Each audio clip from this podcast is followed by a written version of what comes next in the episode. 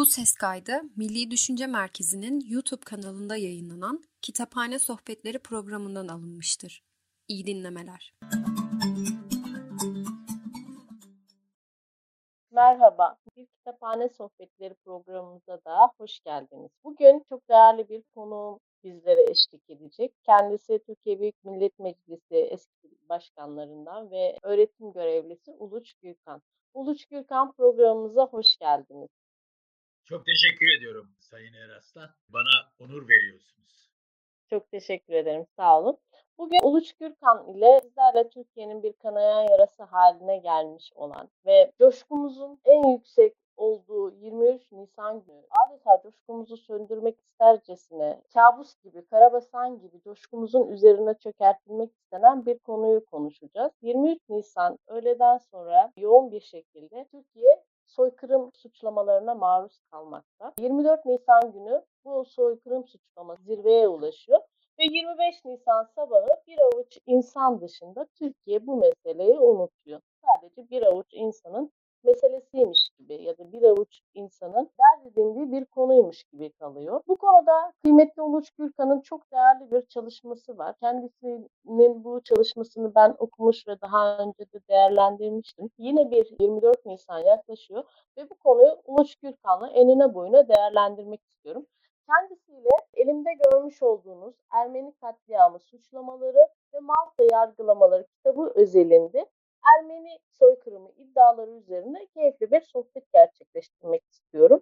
Birçok şeyi de kendisinden birebir dinleme şansına erişeceğiz. Uluç Bey, Ermeni soykırımı iddiaları nedir? Kısaca bize bir özetleyebilir misiniz? Tümüyle siyaset, tümüyle güncel politikayı çarpıtarak tarihi ve hukuki gerçekleri yok varsayarak güncel politikaya alet ettirilen bir konu. Bakın Ermeni soykırım iddiaları uzun yıllar dünyanın gündeminde olmadı. Bunu şöyle bir rakam trafiği vererek açıklamak mümkün. Günümüzde Ermeni soykırımını siyasi kararlarla, parlamentolarında aldıkları kararlarla tanıyan devlet sayısı 32. Toplam karar sayısı ise 52. Bunların sadece 7'si 1915-1996 tarihleri arasında alınmış. Yani çok fazla ilgi çeken, uluslararası planda destek bulan bir iddia değil. Ermeni soykırımı iddiasıyla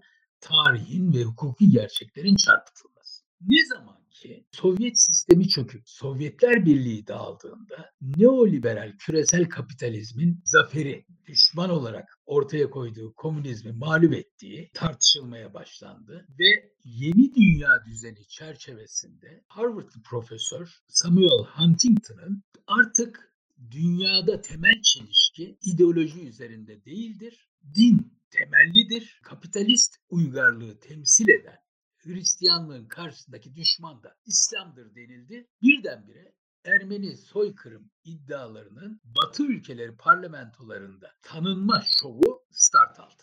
1996 bakın 2021 7 olan tanıma kararları 52'ye çıktı. Bu bu çerçevesiyle bir emperyalist projedir. Türkiye'ye Samuel Huntington ki o Türkçe Medeniyetler Çatışması adıyla da çevrilen kitabını 1996 yılında kitaplaştırılan bu çalışması 11 Eylül 2002 İkiz Kule saldırılarıyla da Amerika Birleşik Devletleri'nin dış politikası onun temel altyapısı haline geldi. Bu çerçevede Samuel Huntington dinler arasındaki savaş ve Hristiyanlığı kapitalizmle özdeşleştirdiği, kapitalist uygarlıkla özdeşleştirdiği Hristiyanlığın, Protestan ve Katolik Hristiyanlığın, Ortodoks Hristiyanlığı da dışlıyor.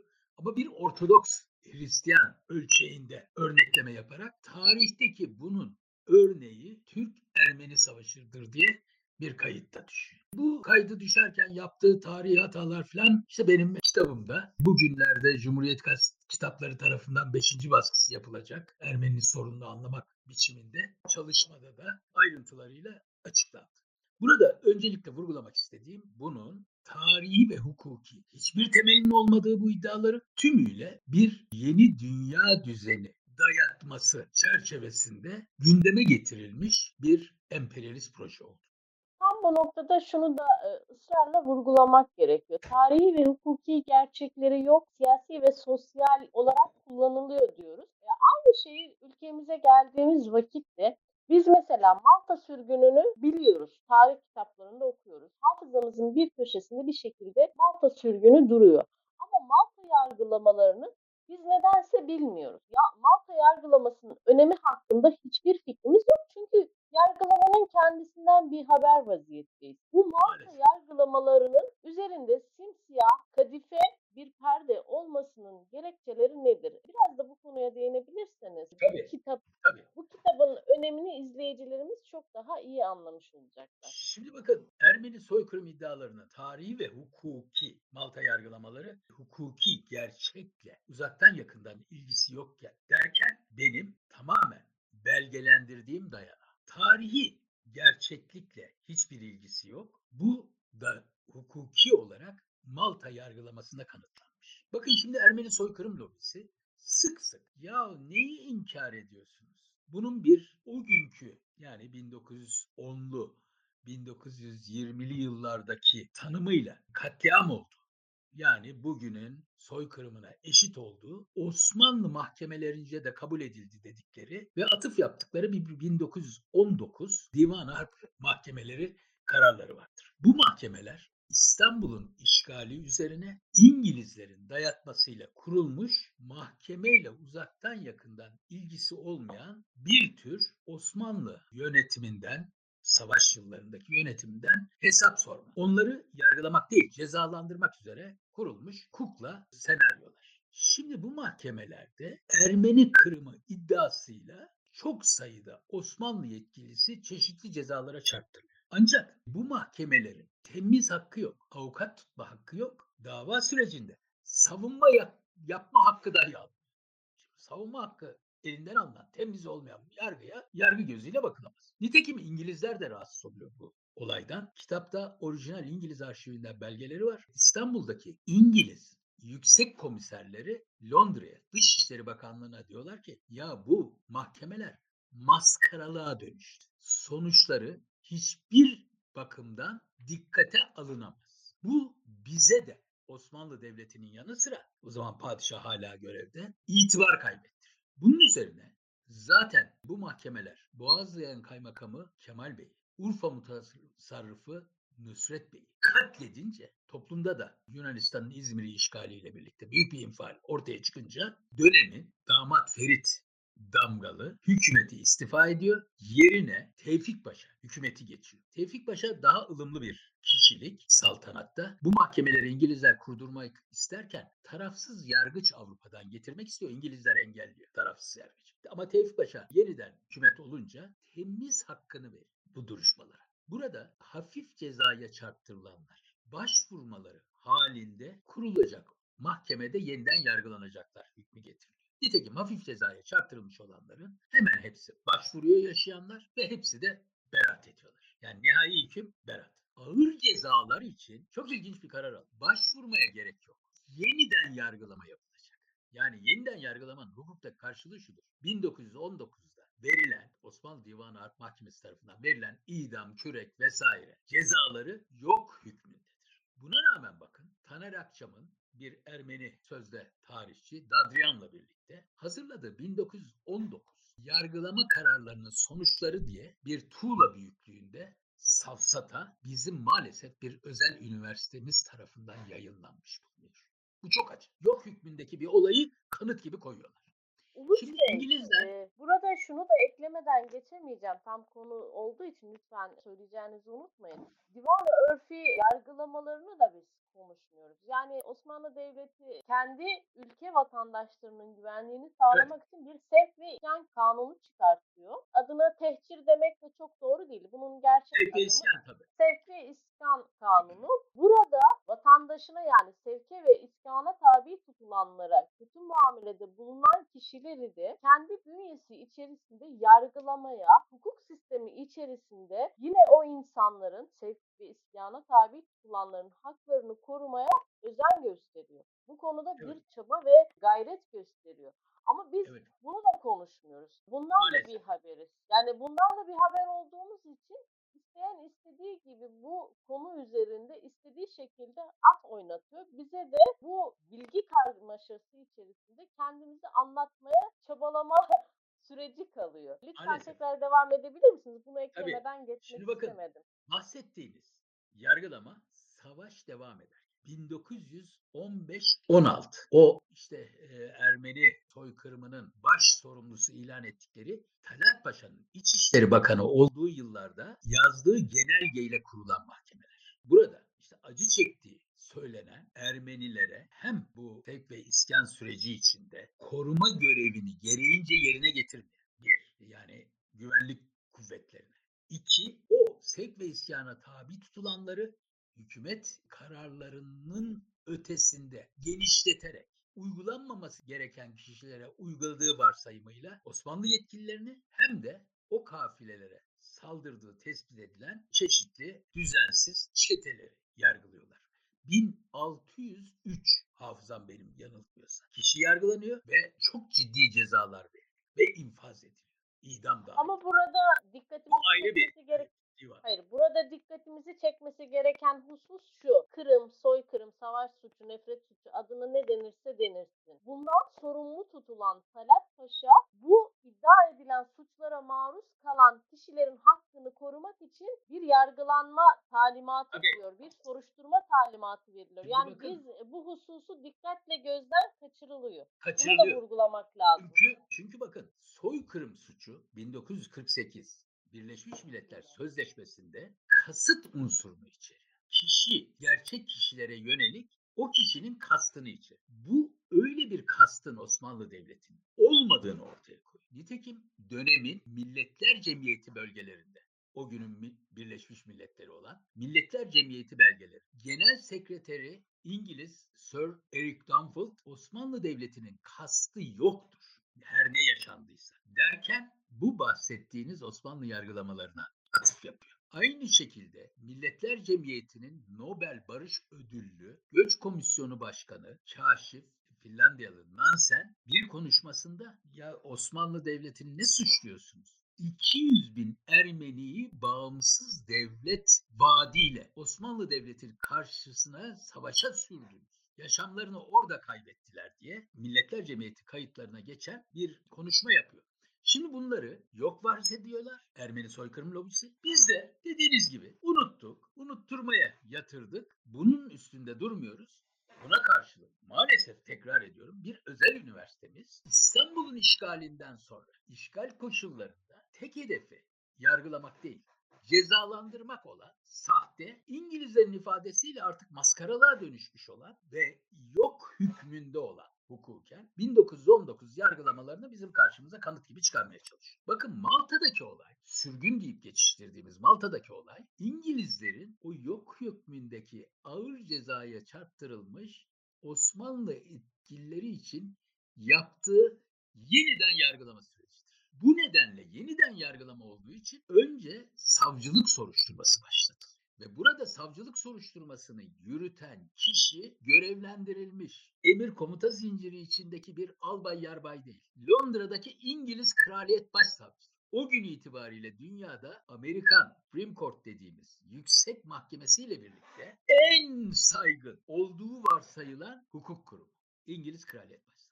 Bu İngiliz Kraliyet Başsavcılığı 3 yıla yakın süre 1919'dan 1921'e kadar didik didik ediyor şey. Şu an Ermeni soykırım iddialarının %99'unu doğrudan atıf yaptı. Amerikan Büyükelçisi Montgomery'nin anıları, Andonium belgeleri, bir Almanların kendilerini aklamak için İngilizlere savaşı kaybettikten sonra İngilizlere böyle bir lütuf gibi sundukları Almanya için yazılmış mavi kitabı yok etmek üzere bir rahibe yazdırdıkları kitap. Bunların hepsi İngiliz Kraliyet Başsavcısı tarafından didik didik ediliyor. Bütün Osmanlı belgeleri, işte bu sevk ve isyan kanunu ile ilgili bütün arşiv, sadece Türkiye'deki değil, Mısır'daki dahi, Eskişehir'deki dahi, bütün arşiv çuvallarla gemilere yüklenip Londra'ya götürülüyor. Bugün o belgeler bizim Osmanlı e, arşivinde yok, İngiltere'deler. Hepsi götürülüyor, didik didik inceleniyor ve bu soruşturmanın sonunda İngiliz Kraliyet Başsavcısı diyor ki Ermeni katliamı iddiasıyla hiçbir Türk yetkili hakkında bir hukuk mahkemesi bırakın cezalandır. Dava açmaya yetecek delil.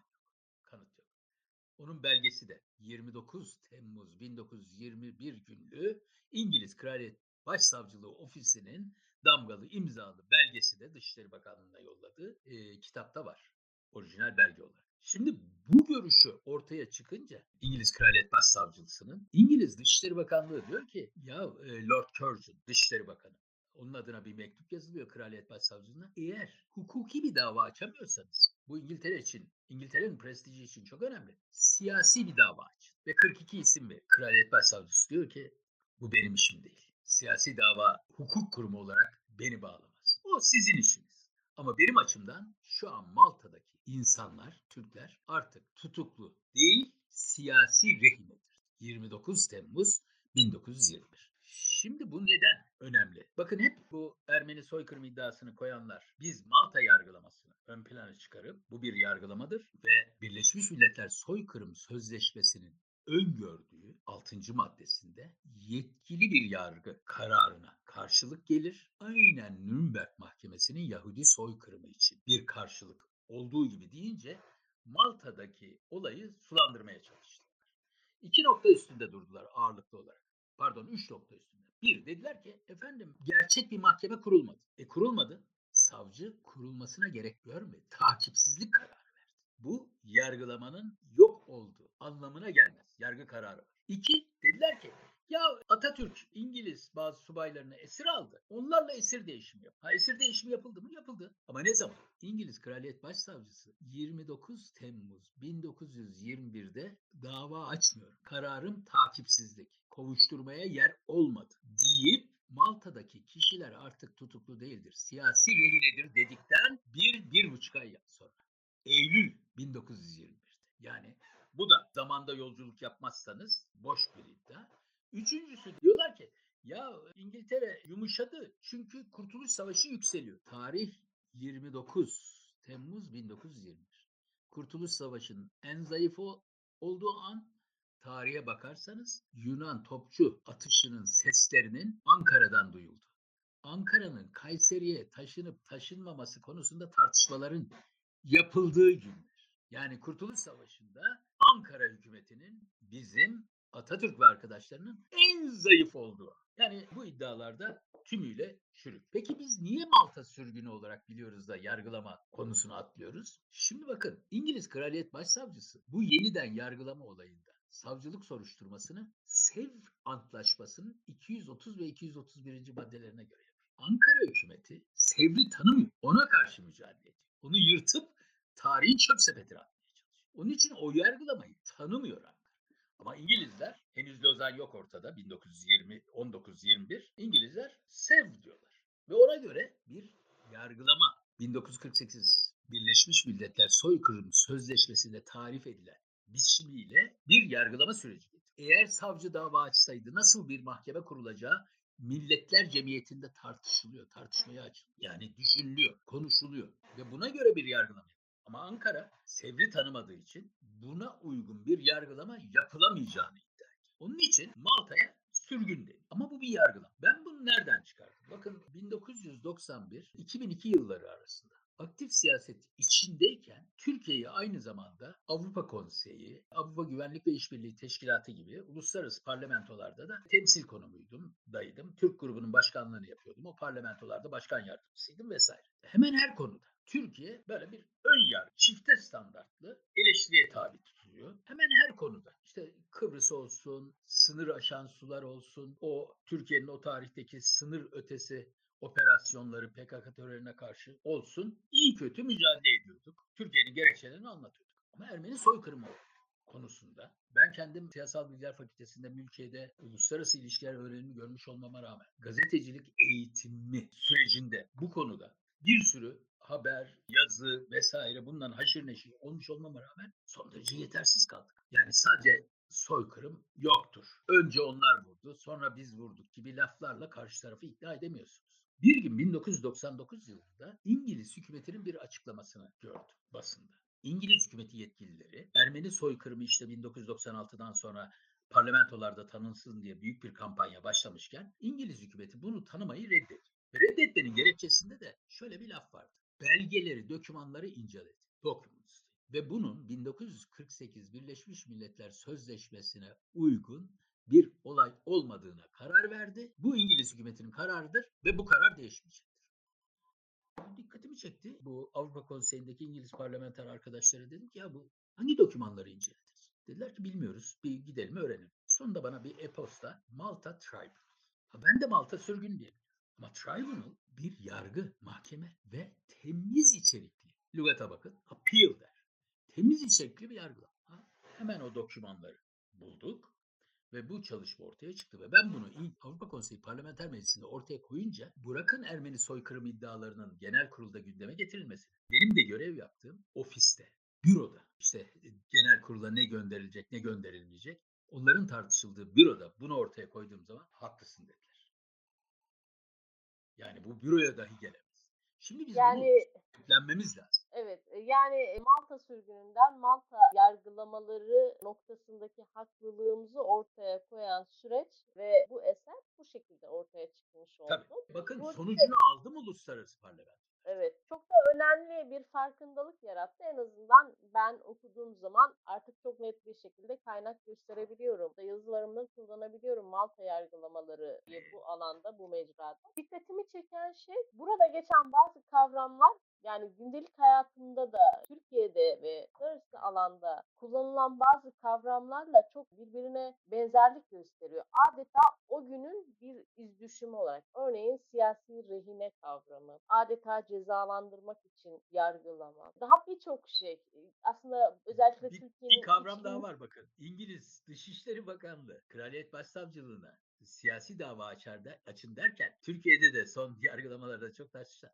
Makul şüphe üzerinden açın. Evet evet.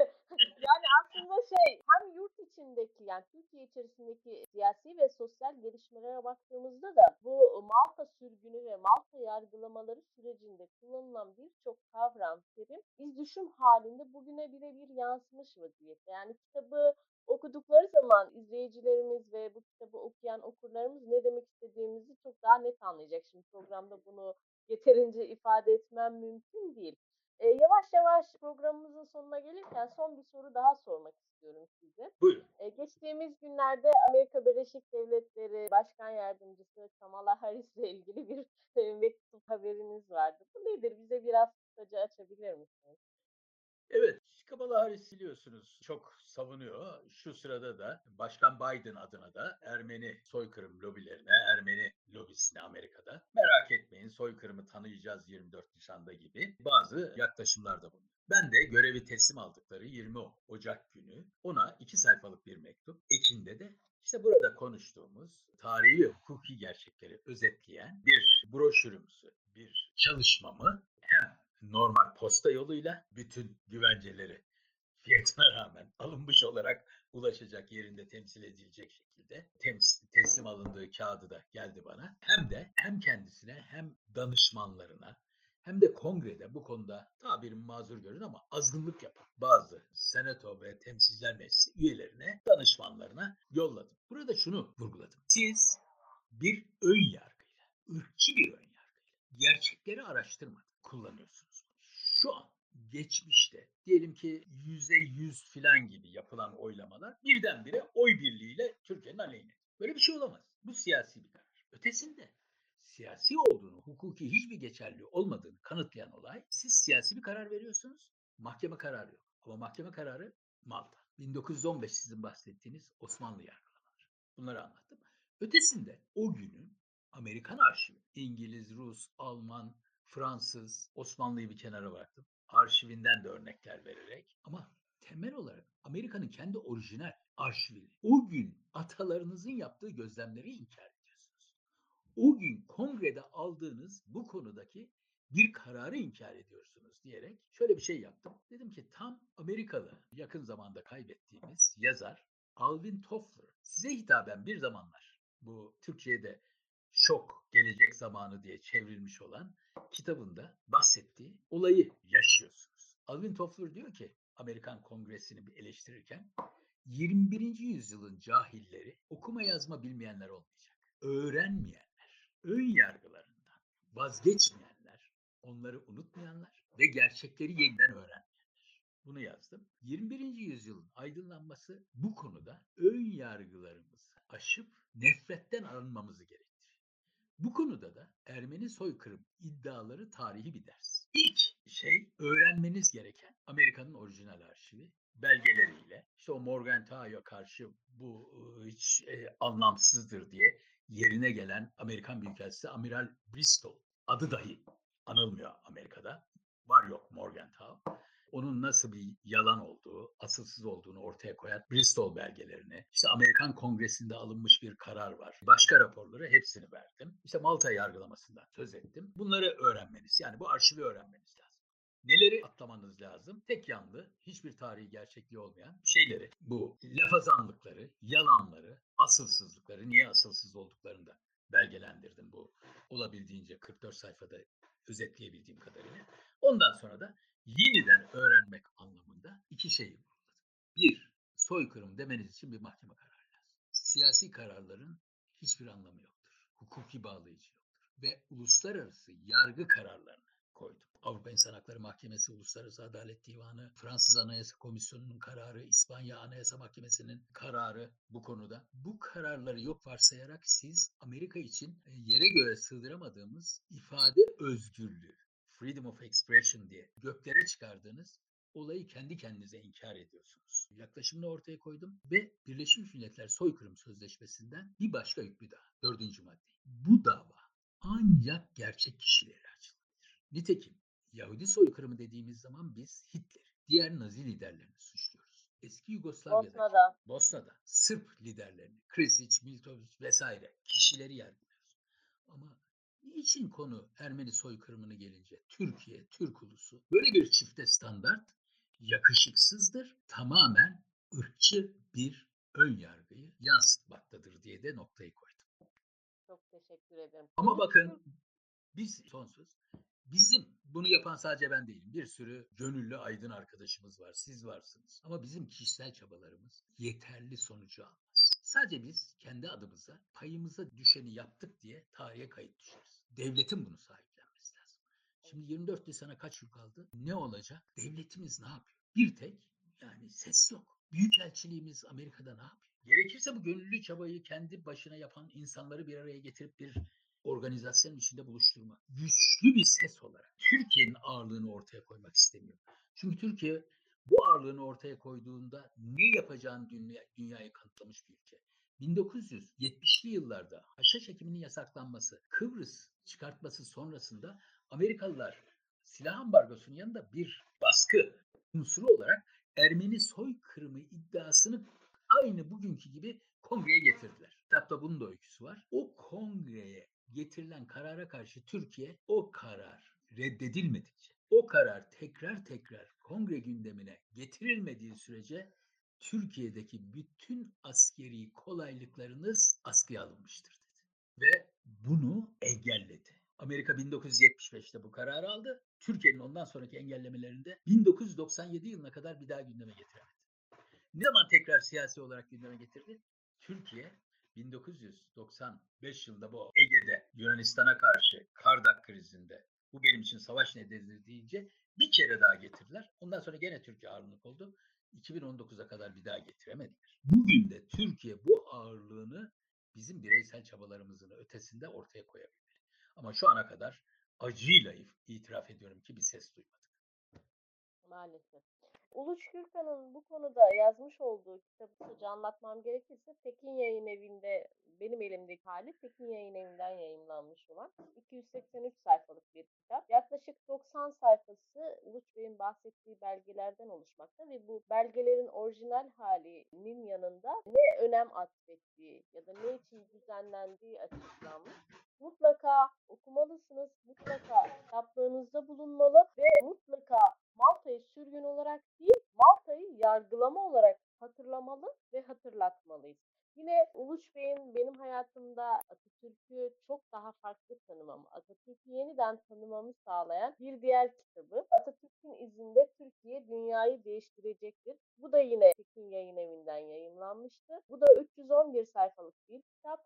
Bunu da mutlaka ama mutlaka okumanızı tavsiye ediyorum. Sizin de hayatınızda Atatürk'e bakışınız, Atatürk'le ilgili bilgilerinizi güncellemeniz ve bazı bakış açılarınızı değiştirmeniz için mutlaka okunması gerektiğini düşündüğüm bir kitap. Bu her iki kitapla ilgili ben Milli Düşünce Merkezi'nde bir değerlendirme yazısı yazdım. Milli Düşünce Merkezi sitesinden bu kitaplara dair değerlendirmeleri okuyabilirsiniz. Uluç Bey ben size son sözü vermeden evvel bu Ermeni katliamı suçlaması ve yargılama ve kararla ilgili kitabınızda benim çok dikkatimi çeken, bugüne de çok benzettiğim, bugünkü gelişmelerle de çok önemli uyarılara işaret ettiğini düşündüğüm bir bölümü izleyicilerimiz için okumak istiyorum izninizle.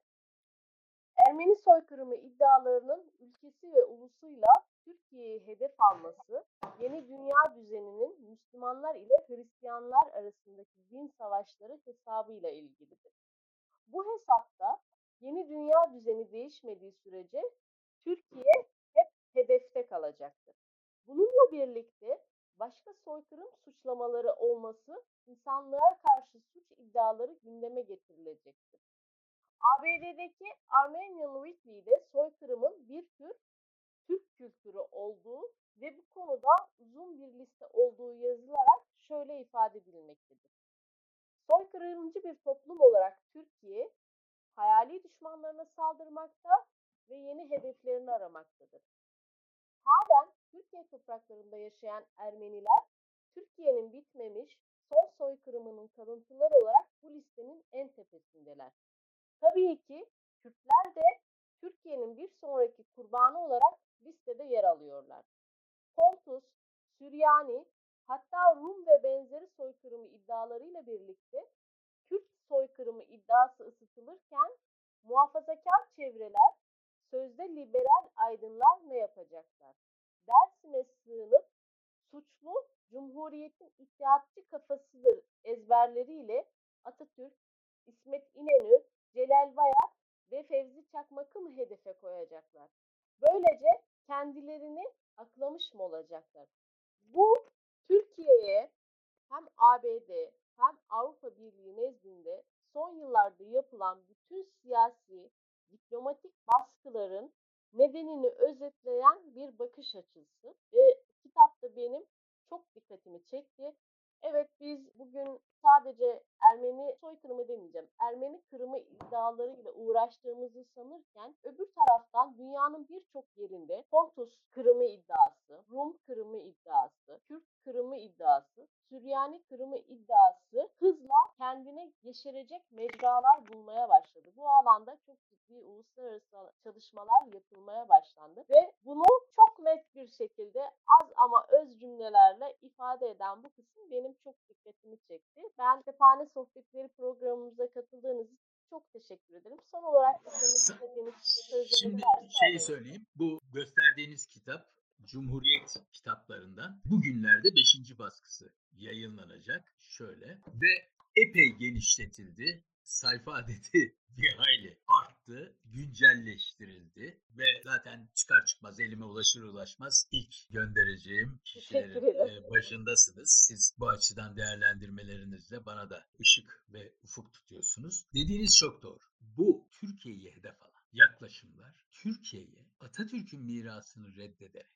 bir İslam coğrafyasının bekçiliğine yöneltmeye çalışanlar bakın nereye kadar gidebiliyorlar. 2016 yılında Ocak ayında Yunan parlamentosu bir karar aldı. Ermeni soykırımının yanında Pontus soykırımı vesaire filan diye bir karar aldı. Biz bir grup arkadaş yani bunun böyle olmadığını, yanlış olduğunu anlatabilmek için Yunanistan'a gidip Atina'da, parlamentoda çeşitli bağlantılarla e, bunun doğru olmadığını anlatmak istedik. Çünkü hakikaten buna karşı çıkan Yunan parlamenterler de vardı. Bizi Atina'ya sokmadılar. Geri yolladılar ve Schengen vizesi yaklaşımı içinde ben dahil 17 kişiye 5 yıl Schengen vizesi uygulayan Avrupa Birliği üyesi ülkelere giriş yasağı Avrupa İnsan Hakları Mahkemesi'ne gitmek için yerel mahkeme yolunu kapatmamız gerekiyordu. Atina'da bu yerel mahkeme yolunu tüketmek bir yana dava açma imkanı vermediler bize. Yani aynen 1919 Divan-ı Harp Osmanlı yargılamalarındaki anlayış gibi bize hukuk, hak, dersi vermeye çalışan Avrupa Birliği Yunanistan marifetiyle Özür kendimize dileyerek, savunma bile hakkını vermediler. Özür dileyerek div- divanı örfi e, mahkemeleri diyelim. Divanı harp deyince daha farklı algılanıyor. E, Evet. yanlış bir Divanı örfi mahkemeleri. Evet. Evet. Evet. evet maalesef yani bunu yaptılar. İşte diğer Schengen vizesi uygulayan ülkelere arkadaşlar çeşitli ya bu yanlıştır vesaire deyince kimi ülkelerde, kimi gümrük kapılarında ya haklısınız geçin diye izin verilirken Almanya'da olsun, Danimarka'da olsun bazı ülkelerde yapacak bir şeyimiz yok giremezsiniz filan yaklaşımıyla karşı karşıya kalındı. İşte bu 5 yıllık yasak Ocak 2021'de bitti. Ondan sonra da bu pandemi sürecinde gene elimiz kolumuz bağlandı. Sağlık olsun. Ben çok teşekkür ediyorum Uluç. Ben size te- Ee, çok teşekkür ederim. Sağ olun. Biz bu programı arkadaşım Demet Yener ile birlikte hazırlıyorduk ama kendisi teknik bir aksaklıktan dolayı kütüphane sohbetlerimize bu kez katılamadı. Ona da bir teşekkür göndererek programımızı yavaş yavaş sonlandırıyorum. E, Sağ olun. İyi ki bir- varsınız. Siz sağ olun, teşekkürler. Tekrar yeni bir kütüphane sohbetlerinde görüşmek üzere. Hoşçakalın.